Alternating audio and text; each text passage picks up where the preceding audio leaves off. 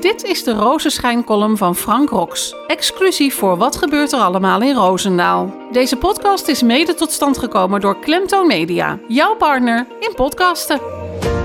Hallo podcastluisteraars. Hier zijn we weer met de Rozenschijn-column nummer 9. Vrijdag 4 december 2020. Titel van de week is Oorlogstrommen. Hoe pakt de rebellen en oproerkraaiers aan en hoe handhaaf je wetten en rechten in een oorlogsgebied?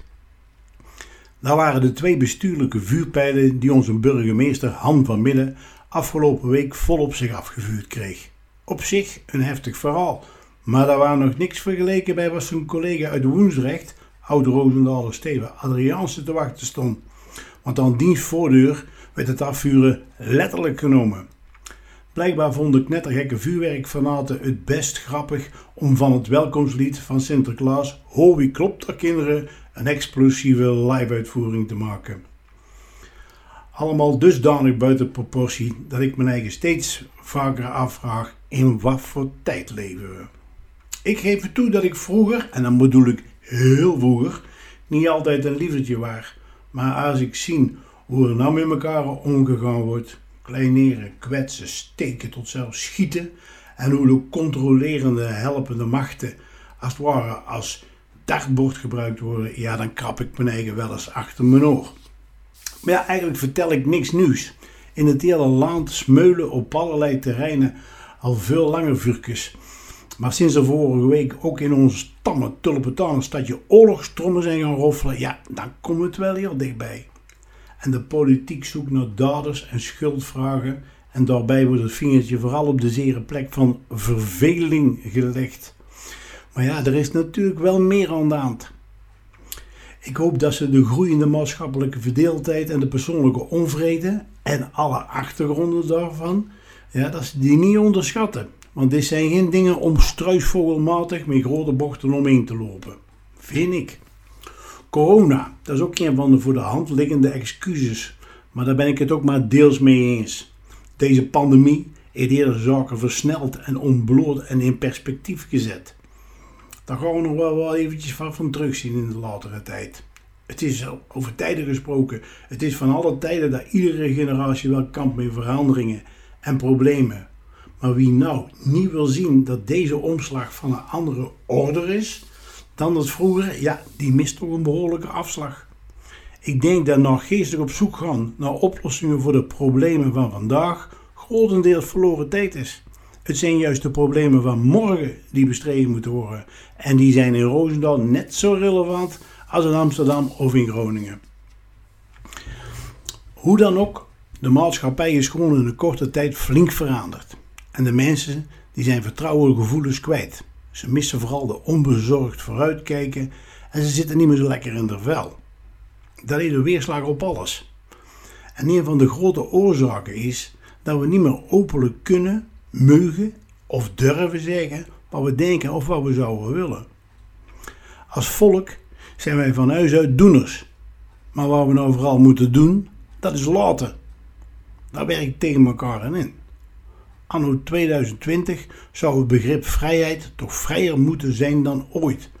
Maar in plaats van een stevige, duurzame nieuwbouw lijkt het onze vrijheid steeds meer een gerenoveerd bouwwerkje. En je moeten wij gaan afvragen of dat verworven erfgoed nog wel een solide bouwwerk is. Laatst las ik van columniste en televisierecensiste Angela de Jong de volgende mooie woorden. Zij schreef het recht om beledigd te zijn wint tegenwoordig van de vrijheid van meningsuiting. Ik vond dat ze haar stelling raak en stijlvol haar omschreven, maar voor anders denkende, denkende waren haar zinnen weer meteen kanonnenvoer. Punt is dat Angela het wel op papier zette en in de krant. En dat vond ik moedig, want opinieschrijvers en hardopdenkenden worden tegenwoordig bij de eerste spatie al overstemd door oorlogstrommen waarbij meestal op elke noek, vooral een digitale noek, een leger klaar staat om te pletten en te walsen. Zijn dit dan de wrange vruchten van een volle maatschappij met een overdosis aan keuzes, kaarsen, partijen, stromingen, belangen, afhankelijkheden, gelijke, ongelijke? Of is dit gewoon de nieuwe tijd waar we allemaal aan zullen moeten wennen? Ik weet het niet. Maar dat een maatschappelijke gift goed menens kan zijn, dat heeft de eliminatie van Zwarte Piet ons meer dan duidelijk gemaakt. Ja, even ter info. De meeste fanatieke aanhangers van deze eens donker getinte kindervriend beseffen het misschien nog niet helemaal, maar morgen, 5 december 2020, zal de boeken ingaan als de officiële sterfdag van Zwarte Piet. En dat verzin ik niet, want als je nou aan rondkijkt in supermarkten of in andere winkels, ja, dan zie je dat gesminkte cultfiguurtje dit jaar al lang uit de schappen is verbannen.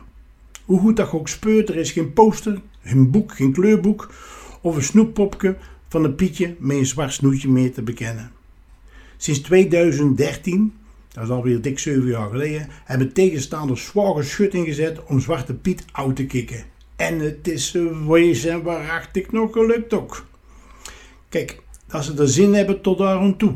Maar, maar hoe moeten wij nou begrijpen dat juist deze mensen, die zo hard gestreden hebben om alles wat met de kleur zwart linkt uit de dikke van Dabel te schrappen, hoe moeten wij nou begrijpen dat die nou ineens met een eigen omroep op de proppen komen die ze de naam zwart hebben gegeven? Huh, denk ik dan? Ja, en nou het Ully uitkomt, motiveren ze het zo dat zwart ineens als tint voor alle kleuren tezamen is. Dat is onzin natuurlijk, want als je alle kleuren met elkaar mengt, dan krijg je gewoon oeh, bruin, grijs en geen zwart. En zoiets moet mij als kunstenaar niet wijs proberen te maken, want dat er iemand met verf gemengd hebt, dan ben ik het wel. Maar wat ik me nou wel afvraag, in het verlengde daarvan, hoe ouders deze onbegrijpelijke omslag weer aan al hun brave kindertjes uit moeten gaan leggen. Of, en dat zou ook kunnen, zou Zwart volgend jaar misschien gewoon de nieuwe zender horen van het Sinterklaasjournaal. We gaan het zien, we gaan het horen. Ik zou zeggen voor morgen een fijne pakjesavond. Houdoe. En wat mij betreft, weet het hè, tot story. Houdoe. Tot zover de Rozenschijncolumn van Frank Rox. Deze podcast is mede tot stand gekomen door Klemto Media, jouw partner in podcasten.